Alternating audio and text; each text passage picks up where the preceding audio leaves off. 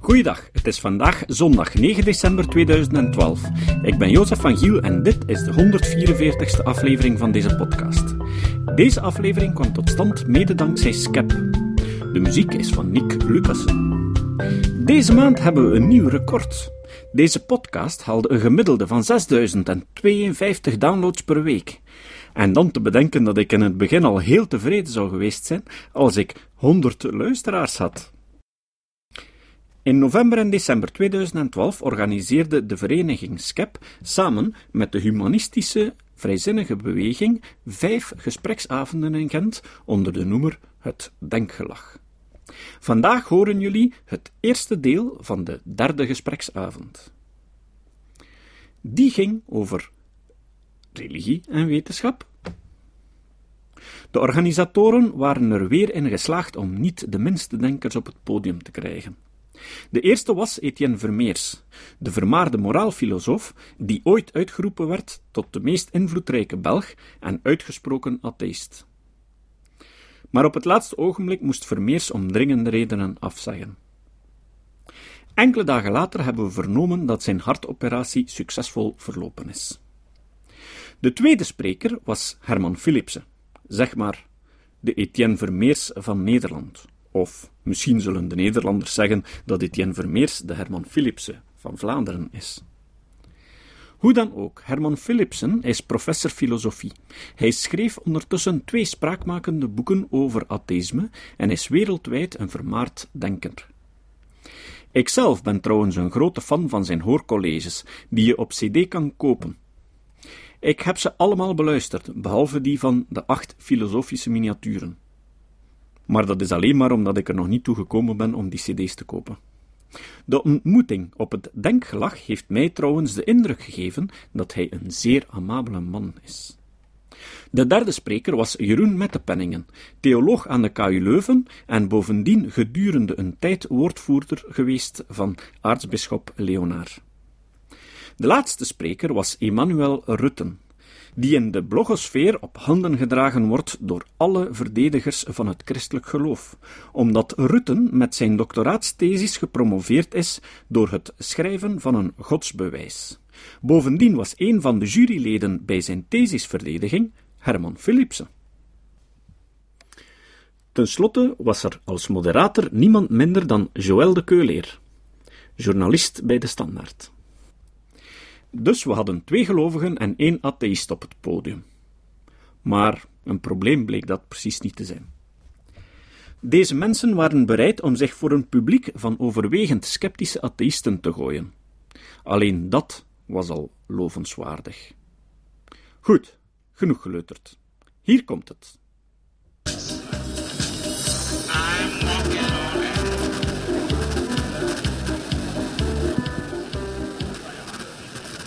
Ah, ik dacht al bijna, er werd mij hier al gezegd. Zeg eens dat ze de, die plaat moeten afzetten. Uh, ja, kijk. Ik begin, ja.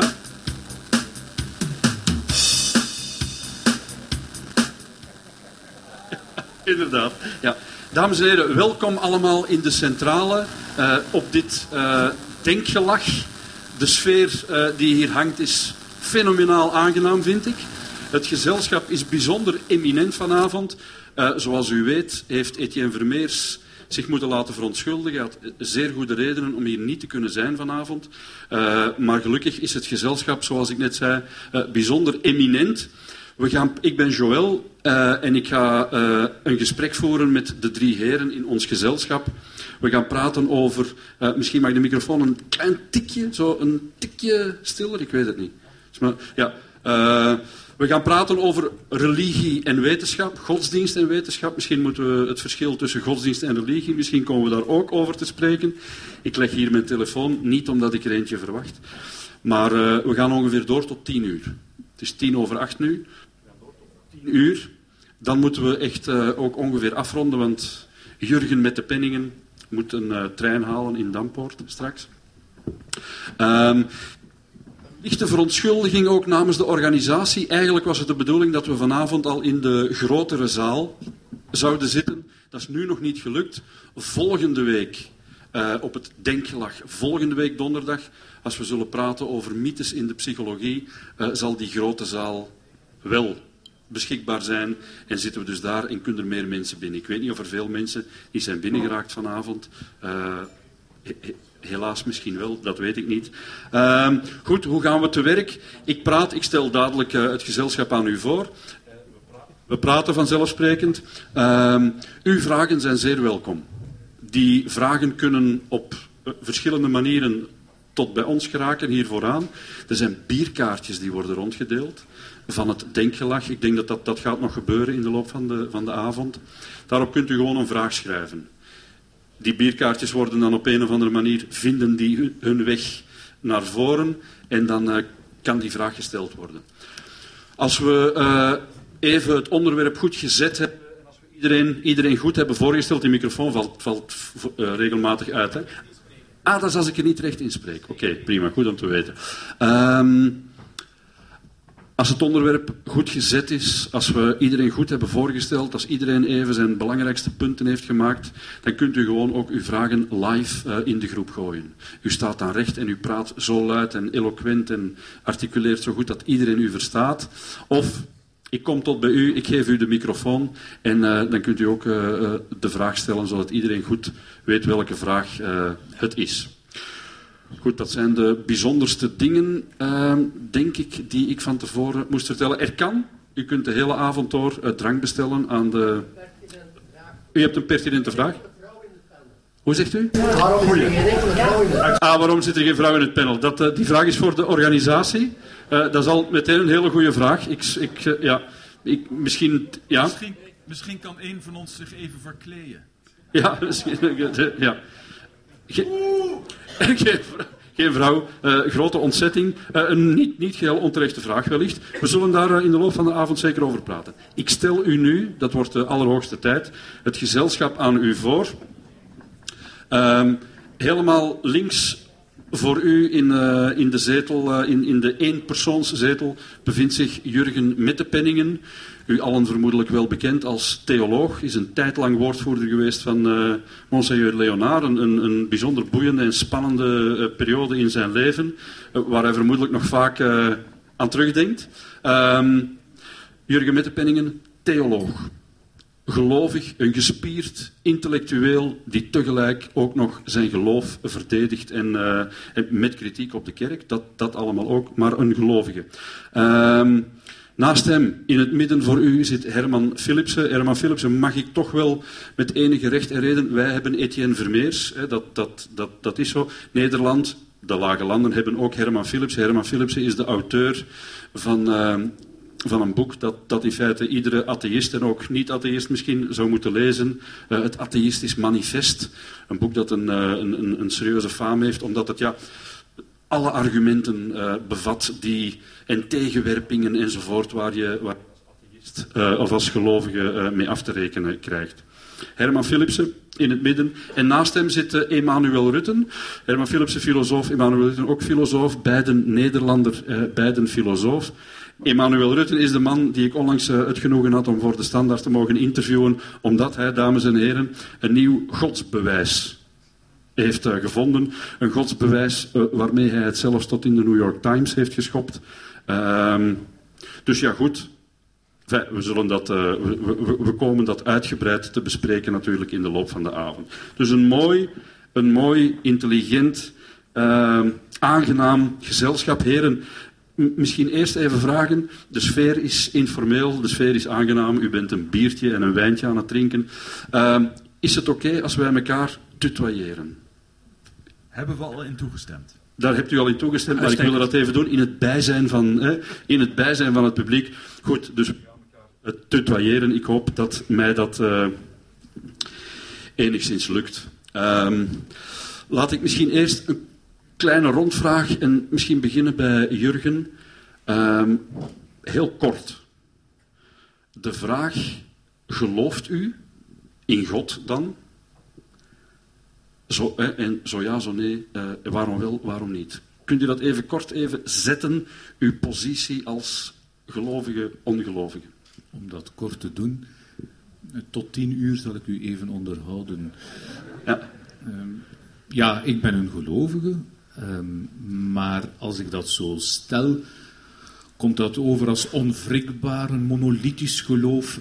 Kijk, een geloof dat niet zoekend is, ja, dat, dat is voor mij geen waardig geloof, want dan dreig je in een, in een categorie van gelovigen terecht te komen die zich nooit laat bevragen. Maar wat gelooft u precies? waarin of wat gelooft u? Kunt u dat ja, vastpakken? Om het heel kort te zeggen, ik kan niet spreken over God zonder Jezus ter sprake te brengen. Een mens die 2000 jaar geleden geleefd heeft. En ik kan niet die Jezus te sprake brengen zonder God ter sprake te brengen. Dus mijn geloof is gecentreerd rond mijn relatie met God, waarbij Jezus toonbeeld is van die God en voorbeeld voor mensen. Een na te volgen voorbeeld. Mhm. Goed, laten we daar. We gaan, eh, we gaan, dat, uh, uitge, we gaan dat uitgebreider bespreken. Herman, ja, jij gelooft niet, neem ik aan. Misschien moet jij het dan even uitleggen waarom niet en waarin niet. Ja, ik geloof dat in deze triniteit ik de enige ongelovige ben. Mhm. Eh, maar, dus ik noem mijzelf atheïst. Maar er zijn natuurlijk heel veel verschillende definities van atheïsme. En de vraag is ook met betrekking tot welke goden je eigenlijk atheïst bent. Mhm. Want er zijn ontzettend veel goden waar de mensheid in geloofd heeft. Als ik het heel eenvoudig samenvat, dan denk ik dat het waarschijnlijker is dat al die goden door de mens verzonnen zijn, dan dat er ook maar één echt bestaat. Maar er zijn natuurlijk ook godsdefinities zoals van Spinoza, die zegt God is identiek met het universum. Het universum bestaat wel en dan bestaat God dus ook. Hmm. Dus het hangt er allemaal een beetje vanaf hoe je het definieert. Sommige godsbegrippen zijn volgens mij zinloos, daar heb ik ook argumenten voor. Dat geldt met name voor het theïstische godsbegrip. Ik denk dat dat zinloos is. Wat, wat bedoel je, wat is het theïstische godsbegrip? Uh, dus de gedachte dat er een almachtige, alwijze, onlichamelijke uh, al goede scheppergod bestaat. Dat is volgens mij strikt genomen zinloos. Waarom? Uh, dat zou een wat lange argumentatie zijn, mhm. maar het komt heel kort hierop neer dat als je mentale eigenschappen wil toekennen aan andere wezens, dat wij dat alleen maar kunnen doen op grond van gedragscriteria. Wij kunnen alleen maar zeggen dat iemand bijvoorbeeld boos is omdat hij zich op een bepaalde manier gedraagt. Mhm. Als je nou zegt dat je eerst die mentale eigenschappen toekent aan een wezen en vervolgens zeg je dat hij onlichamelijk is, dan vernietig je daarmee, door te zeggen dat hij onlichamelijk is, de noodzakelijke conceptuele voorwaarden om die mentale mhm. eigenschap te kunnen toekennen. Dus volgens mij realiseren de meeste christelijke theïsten niet dat strikt genomen hun godsconcept zinloos is. Dat geldt niet voor godsconcepten zoals de hindoeïstische gods Ganesha, die olifantsgod, want die is wel lichamelijk. En daar kun je dus wel zinvol mentale eigenschappen aan toekennen. Mhm. Dus sommige godsbegrippen zijn volgens mij helemaal zinloos. En de meeste andere godsbegrippen, voor zover ze zinvol zijn, daar is het heel waarschijnlijk van dat er niets in de werkelijkheid aan correspondeert. En dat de mens al die goden verzonnen heeft. Dus... U hebt een, u hebt een, een, een, een zogenaamde beslisboom ja, dat is ook maar, waar. Is dat, is dat kort uit te leggen? Kunt u zich alle, eh, is, is het mogelijk om dat kort uit te leggen, zodat u met z'n drieën, u alle drie daarop kunt situeren? Of, of...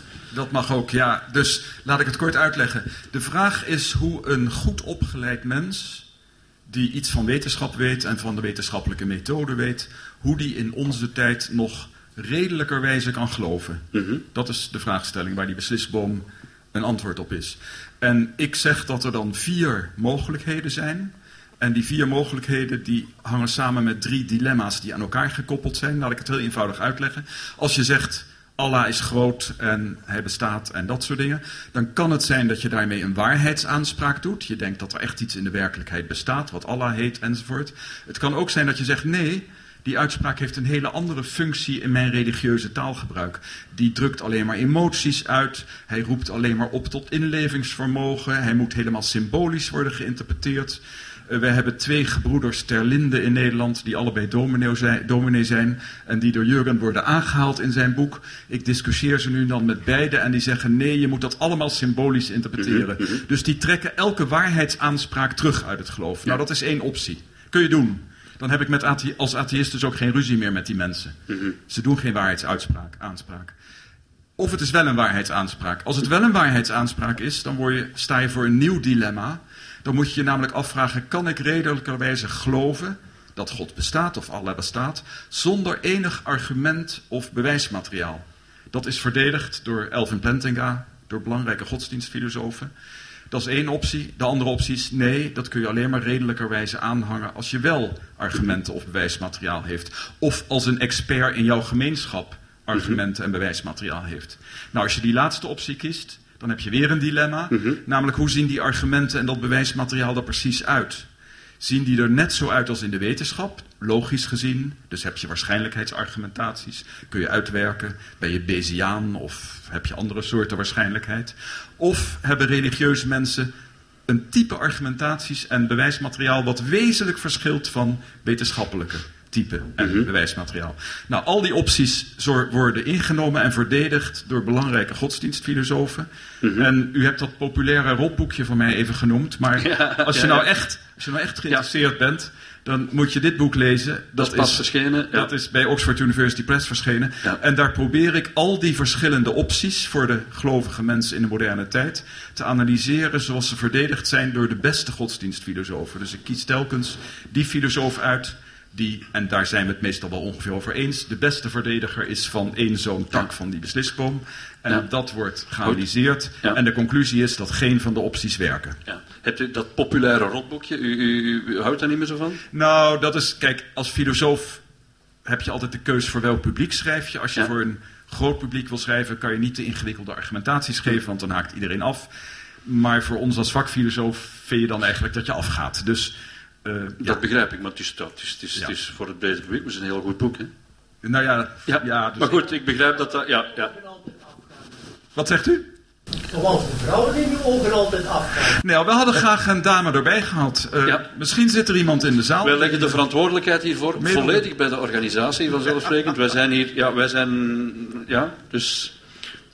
Maar we komen daar in de loop van de avond nog over te spreken. Ik kom even bij Emmanuel Rutte. Emmanuel, ehm, ja, jij bent de man van het eh, meest recente van het godsbewijs. Waar zit jij ergens op de beslisboom van Herman?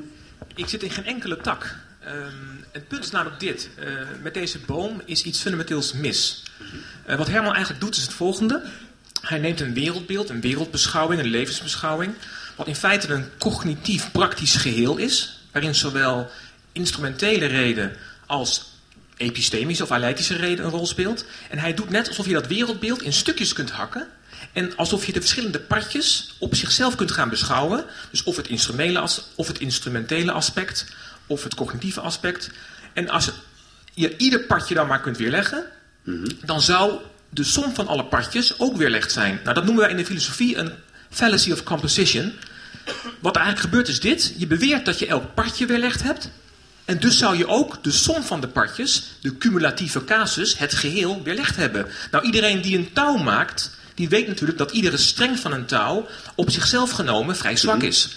Maar als je de strengen van het touw samenneemt en je maakt er een sterke kabel van, en je bouwt dus een cumulatieve casus, dan krijg je een vrij sterk koord. Ik kies voor het koord en ik kies niet voor één individuele streng van het koord. Dus je hebt, ja, misschien heel even, Herman. Ja. Ja, hier klopt helemaal niets van. En de reden is dat in de beslisboom alle opties die telkens dat dilemma vormen, elkaar logisch uitsluiten. Dus als, Nee, je, al die, als je al die opties wil verenigen in één koord, dan heb je een koord vol met contradicties. Ja. Ik zal het uitleggen. Kijk. Herman zegt hier iets heel aardigs. Hij zegt dat, dat iedere optie in de boom de andere optie uitsluit. Niets is minder waar. Ik laat ik één voorbeeld geven. Ik omarm met liefde, met ziel en zaligheid, de kennisleer van Plantinga. Ik geloof daadwerkelijk dat geloof in God een proper basic belief kan zijn. Wat betekent dat, een proper basic Een belief? legitieme basisovertuiging. Een overtuiging die je kunt hebben. Zoals de overtuiging dat je van je kind houdt. Dat je van je moeder houdt. Zonder dat je daar op dat moment rationele argumenten voor moet hebben. Maar tegelijkertijd weet ik dat er uitstekende rationele argumenten bestaan voor God. Dus wat kan ik doen? Ik kan zeggen, enerzijds heb ik een legitieme basisovertuiging. Daar kunnen we de hele avond over praten als we willen. Anderzijds kan ik die legitieme basisovertuiging verrijken eh, uitbreiden met een aantal rationele argumenten. Bovendien kunnen die rationele argumenten zowel ontleend worden aan wetenschap. Ik kan daar straks twee voorbeelden van geven. Maar je kunt ook een aantal argumenten geven die niet onmiddellijk met wetenschappelijke methoden kunnen worden beargumenteerd. Oftewel, ik heb nu al drie takken van Hermans boom heb ik al samengenomen. En dan ben ik nog twee takken vergeten. Maar die kan ik er graag bij doen. Mag ik er weer even op ingaan? Graag, Herman. Dus je hebt de beslisboom niet goed gelezen. Want de Het dilemma bij Plantinga is dat je redelijkerwijze een godsgeloof kunt accepteren, kunt accepteren zonder argumenten te geven. Dus dat is een mogelijkheid. Maar uitstekende niet zegt dat er niet ook argumenten kunnen zijn. De andere, andere tak zegt, je kunt dat godsgeloof alleen maar accepteren als je argumenten en evidence hebt. Dus het zijn logische contradictoren die elkaar uitsluiten, dus je kunt ze niet in één taal verdedigen. Maar misschien moeten we niet eindeloos hierover gaan Nee, discussiëren. misschien, nee, nee, misschien moeten we niet eindeloos in de precies. Ik ga Ja, ik heel even naar het- Jurgen en dan kom ik even bij Emmanuel met zijn, eh, met zijn, eh, met zijn godsbewijs. Hè. Maar Jurgen, ja, hoe, hoe zit je hier naar te Ik kijken? vind het interessant hoe er hier een boompje wordt opgezet. Vol moeilijke woorden waar ik van denk: God, jongens, eh, een filosoof die God bewijst, dat is voor mij on- staat op dezelfde hoogte als een theoloog die God ontkent. Eens. Mhm. Ik ben het helemaal mee eens. Maar wat bedoel je daarmee? Wat bedoel je daarmee? Wel, een, een filosoof is voor mij iemand die ik enorm waardeer omwille van de, de intelligentie van welke vragen te stellen. En ik denk dat, dat in beiden hun werk enorm veel vragen naar boven komen. En dan hou ik niet zo van, ik heb de beslisboom. Ik heb, eh, ik, ik heb de sleutel in handen van een rationeel godsbewijs. Kijk, dan, daar heb ik een probleem mee als theoloog. Dus, je, dus, dus, dus, dus we zijn... Ja, er wordt, probleem. Ik moet daar toch iets Ja. over zeggen, denk ik. Heel kort, heel ja, kort. ja, Kijk, ik heb nog nooit beweerd, in geen enkel artikel, in geen enkel waar. interview, waar. dat ik een godsbewijs geef. Als iemand aan mij vraagt, lever jij een godsbewijs? Dan zeg ik categorisch nee. Natuurlijk lever ik geen godsbewijs. Hier Want zijn we het over eens. Wat ik doe... maar wat doe je wel? Leg dat even uit. Leg wij dat zijn- even uit. Herman, wij zijn het over meer dingen eens, kan ik je vertellen. Ehm, wat ik doe is dit.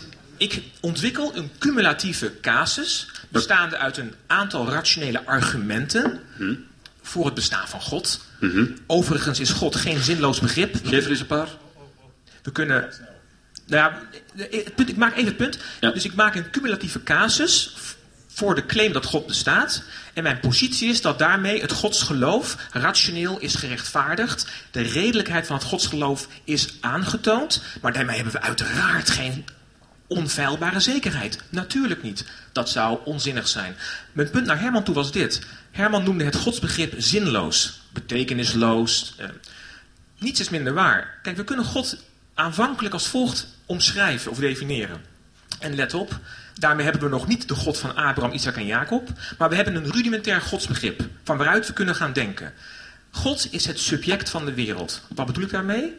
God is een immaterieel subject, een immaterieel persoon, die geldt als de eerste oorzaak van de werkelijkheid. Dus als God, als God bestaat, dan is God dus immaterieel, een persoon en onveroorzaakt en tegelijkertijd de directe of indirecte oorzaak van de werkelijkheid. Als er een personal first cause, een persoonlijke eerste oorzaak is, dan is de referent van die term, misschien een moeilijk woord, sorry, dan verwijst die term naar iets wat we met recht God kunnen noemen. En jij zegt dus dat er heel wat eh, argumenten zijn om, om te zeggen Ja. dat zo'n God bestaat. Er zijn nog- geef, geef er eens een paar. Ge- geef La- laat ik een hele eenvoudige geven. Laat ik Ja. een hele eenvoudige geven, omdat we de discussie misschien niet al te technisch moeten maken. Ehm, het bekende kalamargument. Een argument dat gaat als volgt. Het bestaat uit twee premissen, twee aannamen en één conclusie. De eerste premisse luidt als volgt. Alles wat begint te bestaan, let op, alles wat begint te bestaan, heeft een oorzaak voor zijn of haar ontstaan. De tweede premisse luidt, het universum is begonnen te bestaan. Nou, wat, vol- wat volgt daar logisch uit? Dat er eh, een oorzaak aan... eh, aan, eh, Daar volgt logisch uit dat het universum een oorzaak moet hebben voor haar bestaan.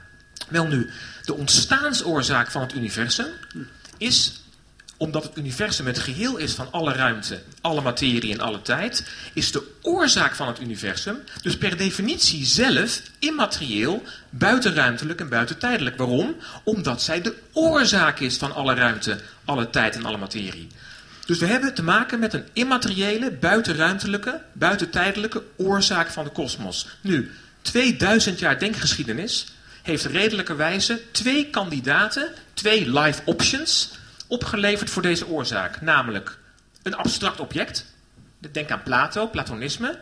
Een abstract object bestaat immers ook buiten ruimte en tijd, wordt wel gezegd.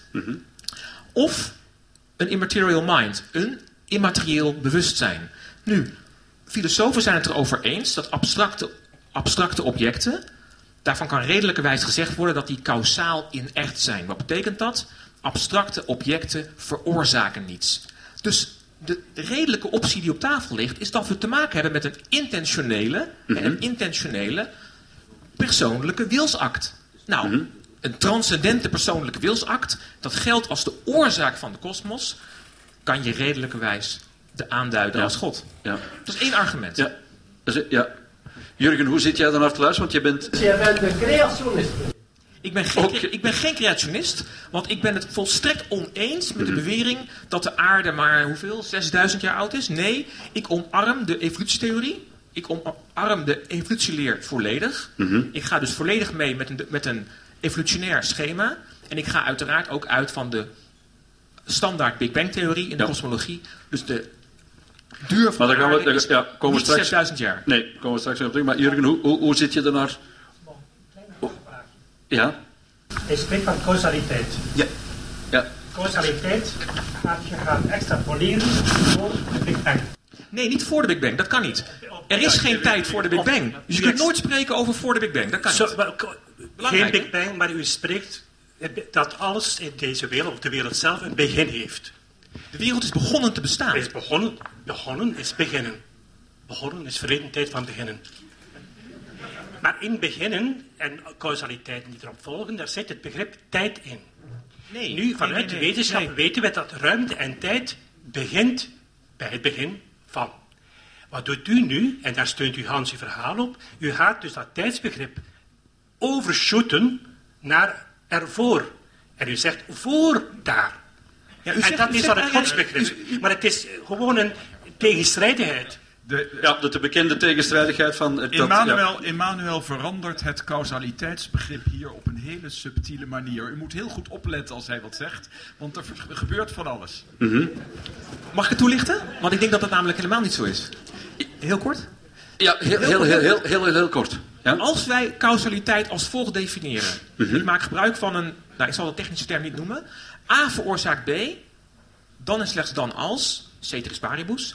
Zonder A, B niet bestaat, terwijl A wel kan bestaan zonder B. We kunnen Mhm. een modale definitie geven van causaliteit, waarin het begrip tijd geen rol speelt. En bovendien in de kosmologie, wie de kosmologie volgt, en ik hoop dat een aantal mensen hier dat doen, weet dat kosmologen tegenwoordig met atemporele causaliteit werken.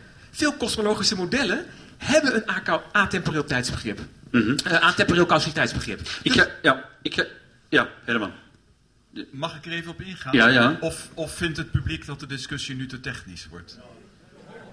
We kunnen het namelijk zo technisch maken als u maar wilt.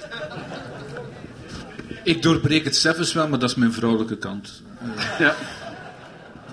Oppassen met deze. Ja. Wel, misschien, moet, ja, misschien moeten we hier niet te veel in de diepte gaan, want er is natuurlijk, dit is een, we zijn, we zijn aan de eerste vraag van een honderdtal vragen die in de loop van de avond moeten aan bod komen. ja. Misschien even een, een kleine verwijzing. Dus als je een argumentatie geeft zoals eh, mijn zeer geliefde eh, linkerbuurman voor mij zojuist heeft gedaan, zijn er altijd twee vragen. Namelijk, klopt de premisse en is de argumentatie deductief geldig?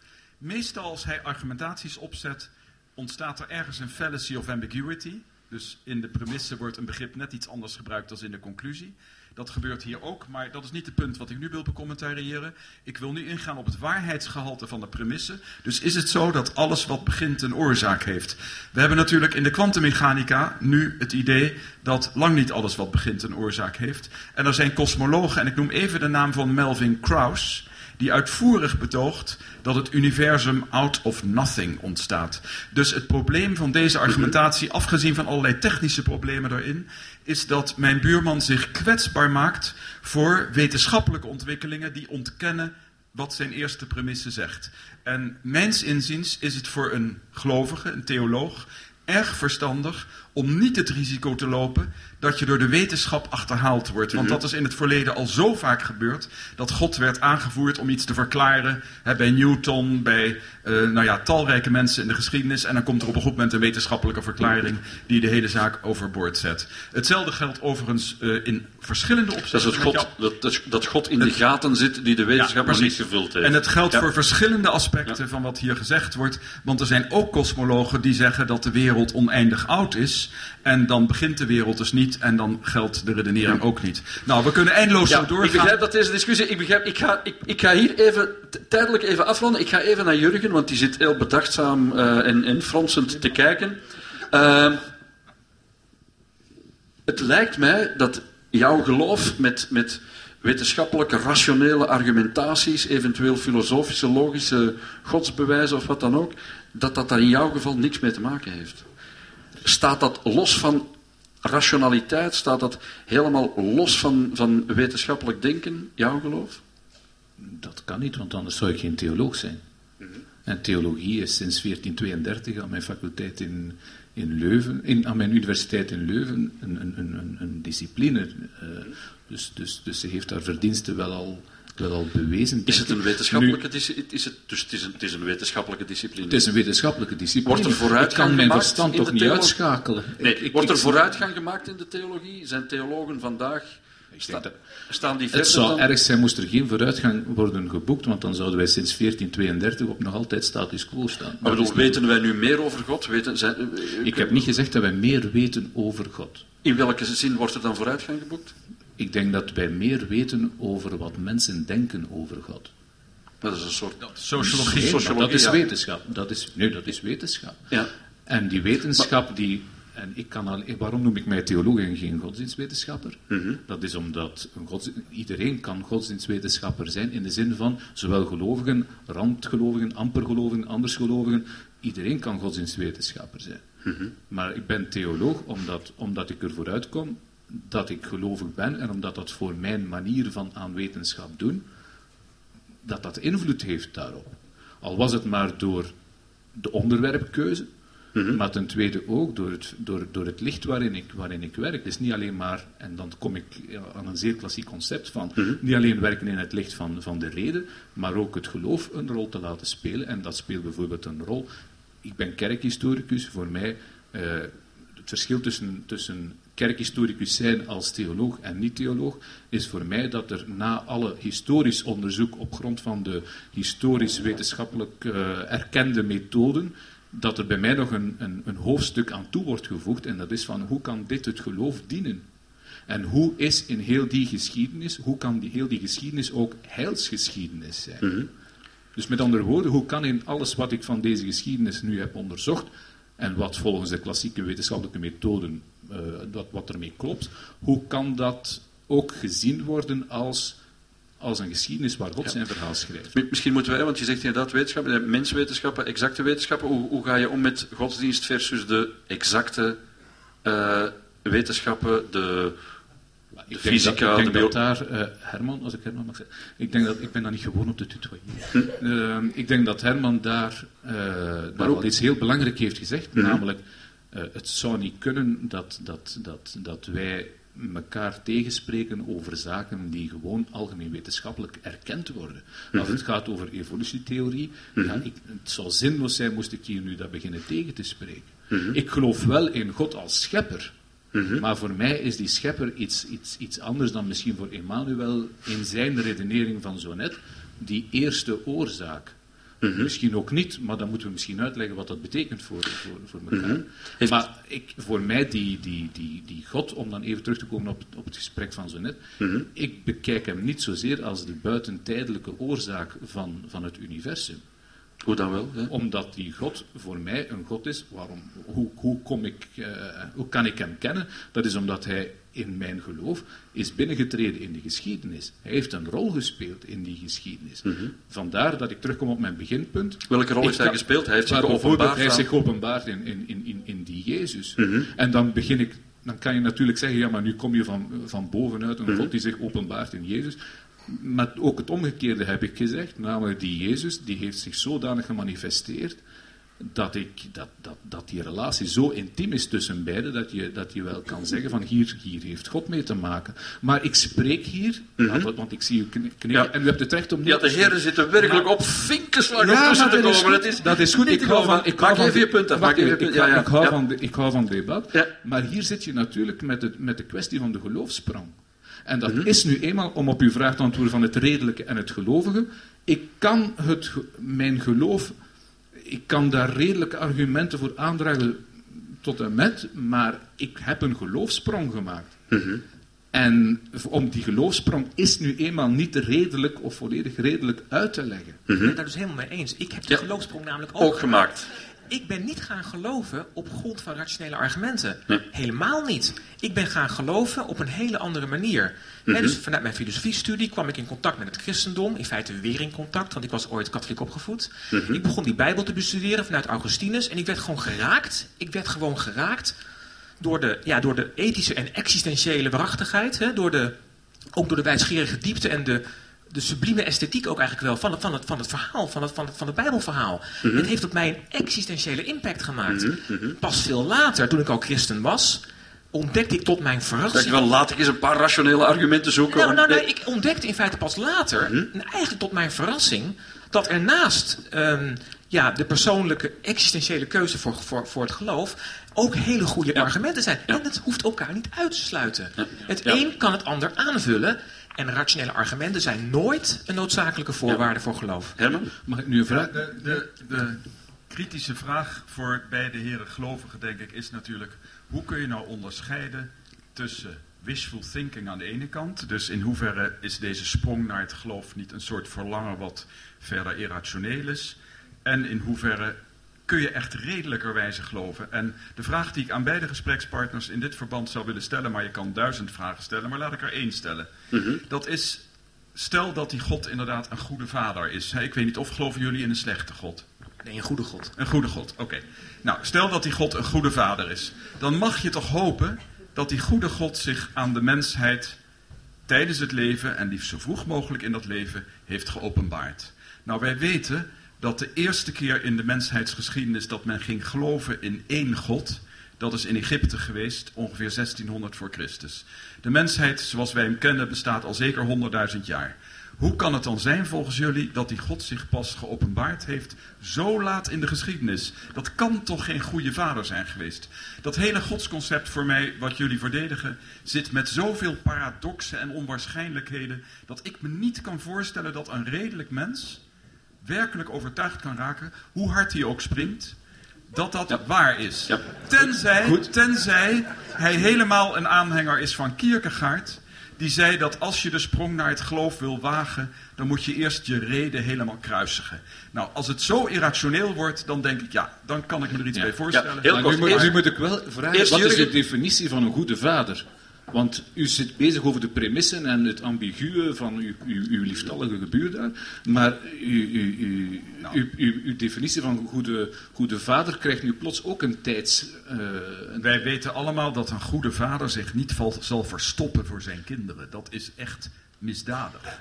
Dus als je echt een goede vader hebt, zal die zich aan alle mensen vroeg in hun leven openbaren. Anders ben je gewoon een vader die zijn kinderen verlaat. Nou ja, ik weet niet hoe het allemaal theologisch uitgelegd kan worden. De theologen hebben hier vast een hele slimme Heel redenering kort, eh. Jurgen. Ja, heel kort. Wat, wat zegt... Ja, heel kort. En dan gaan, want dan gaan we even naar een filmpje kijken, want de vragen beginnen ook te komen. We zitten in, we zitten in een... Ja, een, een, goede, heel kort. ja, een goede vader is geen vader die, eh, die alleen maar zorgt dat jij het goed hebt. Een goede vader is, die, is iemand die in alle omstandigheden van het leven, dat wil zeggen in alle vreugdevolle momenten, in alle pijnlijke momenten, tot op het kruis, ehm, je, niet, je niet alleen laat. Maar dat, ja, maar dat is, dat is, dat is, ja maar ja, Ja. Ik, ik verwijs nu even naar die Jezus die daar toch op het kruis Dus eh, om de Auschwitz-vraag even meteen in de groep te gooien.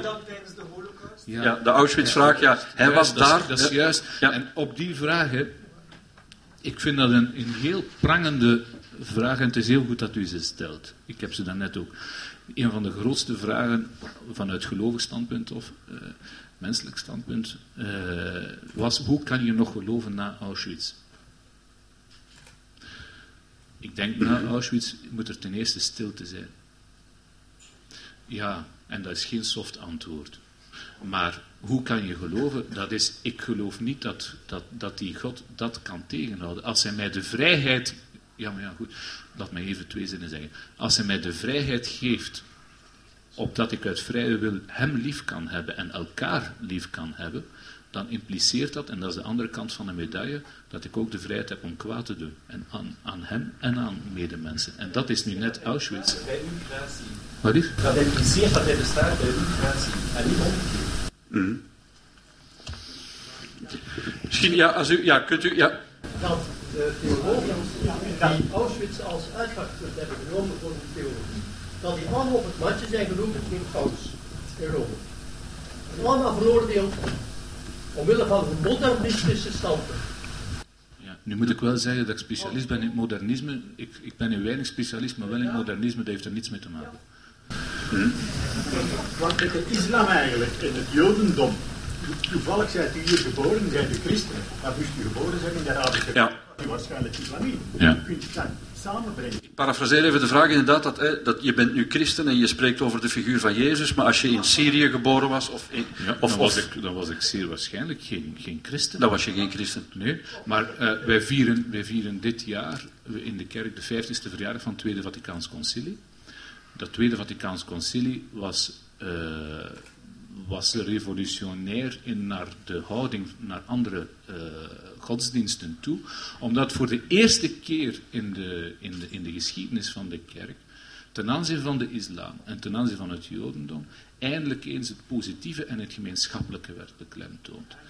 En tot, even tot kort- een van die positieve en gemeenschappelijke dingen behoort ook van, kijk, de God van die, die, de isla, die de moslims aanbidden, de God die de joden aanbidden en de God die door de christenen wordt aanbeden, het is één en dezelfde God. Kijk, dat, vind ik, dat eindelijk heeft, had men het toen eens door. Pardon, pardon, pardon, pardon. Ja, heel even kort, Emmanuel. Ja. Kijk, als ik iemand tegenkom die een hele andere politieke opvatting heeft dan ik, of een hele andere mening over vrouwen bijvoorbeeld, dan is dat voor mij geen reden om mijn eigen opvatting op te geven. Als ik in Bagdad geboren zou zijn geweest, dan zou ik misschien wel heel anders over vrouwen gedacht hebben. Misschien zou ik vrouwen wel minder hebben gevonden dan mannen. Is dat voor mij hier nu, in België, in het Westen, daarom een reden om aan mijn geloof dat vrouwen en mannen gelijkwaardig zijn, om daaraan te twijfelen? Nee, natuurlijk niet. Dus dat is een voorbeeld om aan te geven dat een overtuiging kan gerechtvaardigd zijn, ook in het licht van afwijkende meningen.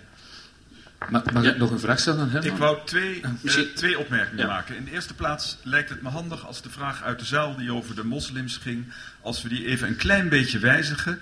En eh, namelijk eh, de heren confronteren met polytheïstische hindoes. Ik heb nogal veel college gegeven in New Delhi.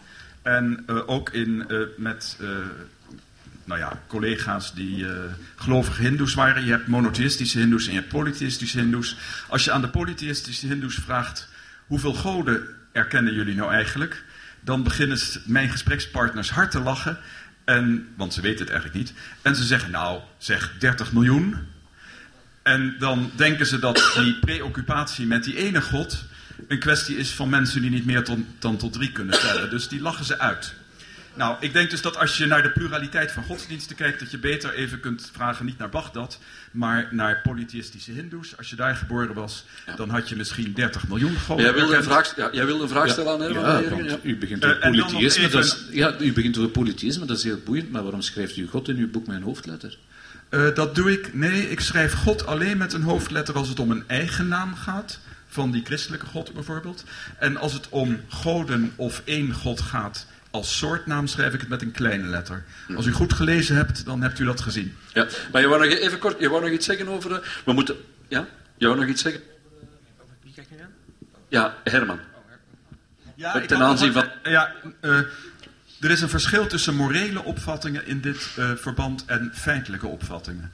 Ik kan me voorstellen, zeker als je een existentialist zoals Sartre bent, dat je zegt als wij verschillen van morele opvatting en we hebben geen van beide overtuigende argumenten, dan hou je toch aan je eigen morele opvatting vast. Daar zijn argumenten voor te geven om dat te verdedigen.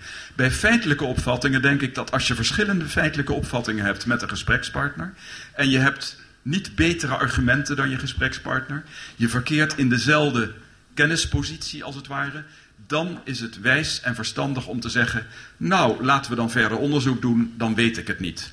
En, uh, dus ik denk dat we hier een verschil moeten maken ja. tussen morele okay. opvattingen en begrijp, de, ik begrijp de opmerking. Mm -hmm. Kijk, als je kijkt naar, naar een, een, het geloof in God zoals een christen dat heeft, en je kijkt naar de islam bijvoorbeeld, uh, en je gaat het feitelijke karakter van die twee religies vergelijken, dat kun je doen, want beide religies maken in feite ook feitelijke claims over de werkelijkheid, over de geschiedenis. Dan kun je een aantal zaken gaan vergelijken. Je kunt gaan vragen naar de historische, of naar de historiciteit de historiciteit van Jezus van, Jezus van Nazareth. Mm -hmm. Je kunt gaan vragen, zoals, geschied zoals geschiedkundigen doen, naar het historisch portret van Jezus van Nazareth. Welke feiten over zijn leven kunnen wij redelijkerwijs accepteren?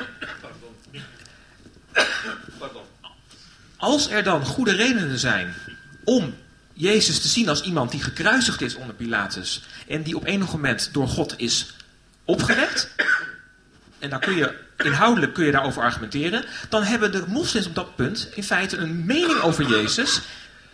Heeft er iemand een keelpastille Ik zal even stoppen, ja. Nee, nee, nee. excuses, Zullen wij in detail op dit onderwerp ingaan? Nee, want we gaan nu naar een filmpje kijken namelijk. We gaan naar een filmpje kijken over de Koran. European Podcast Awards. We moeten winnen. Dus vergeet niet om nog eens allemaal voor mij te stemmen voor de European Podcast Awards. Ga naar mijn website en kijk op het logo naar de European Podcast Awards op www.kritischdenken.info. Het citaat. Vandaag weer een citaat van Neil deGrasse Tyson. Tyson zei: Mensen denken soms: dat daar is wetenschap, en dat hier, dat ben ik. Nee, fout. Wetenschap is gewoon nieuwsgierigheid. Tot de volgende keer. Dit was de podcast Kritisch Denken. Vergeet niet om alles kritisch te behandelen, ook deze podcast. Voor verdere informatie over deze podcast, links en voor de tekst, surf naar www.kritischdenken.info. Als je deze podcast belangrijk vindt, kun je me steunen door anderen warm te maken ook eens te luisteren. Stuur een e-mail naar vrienden met een link naar de website en plaats de link in de handtekening van je e-mails. Tevens kun je op iTunes deze podcast een beoordeling geven of een recensie schrijven.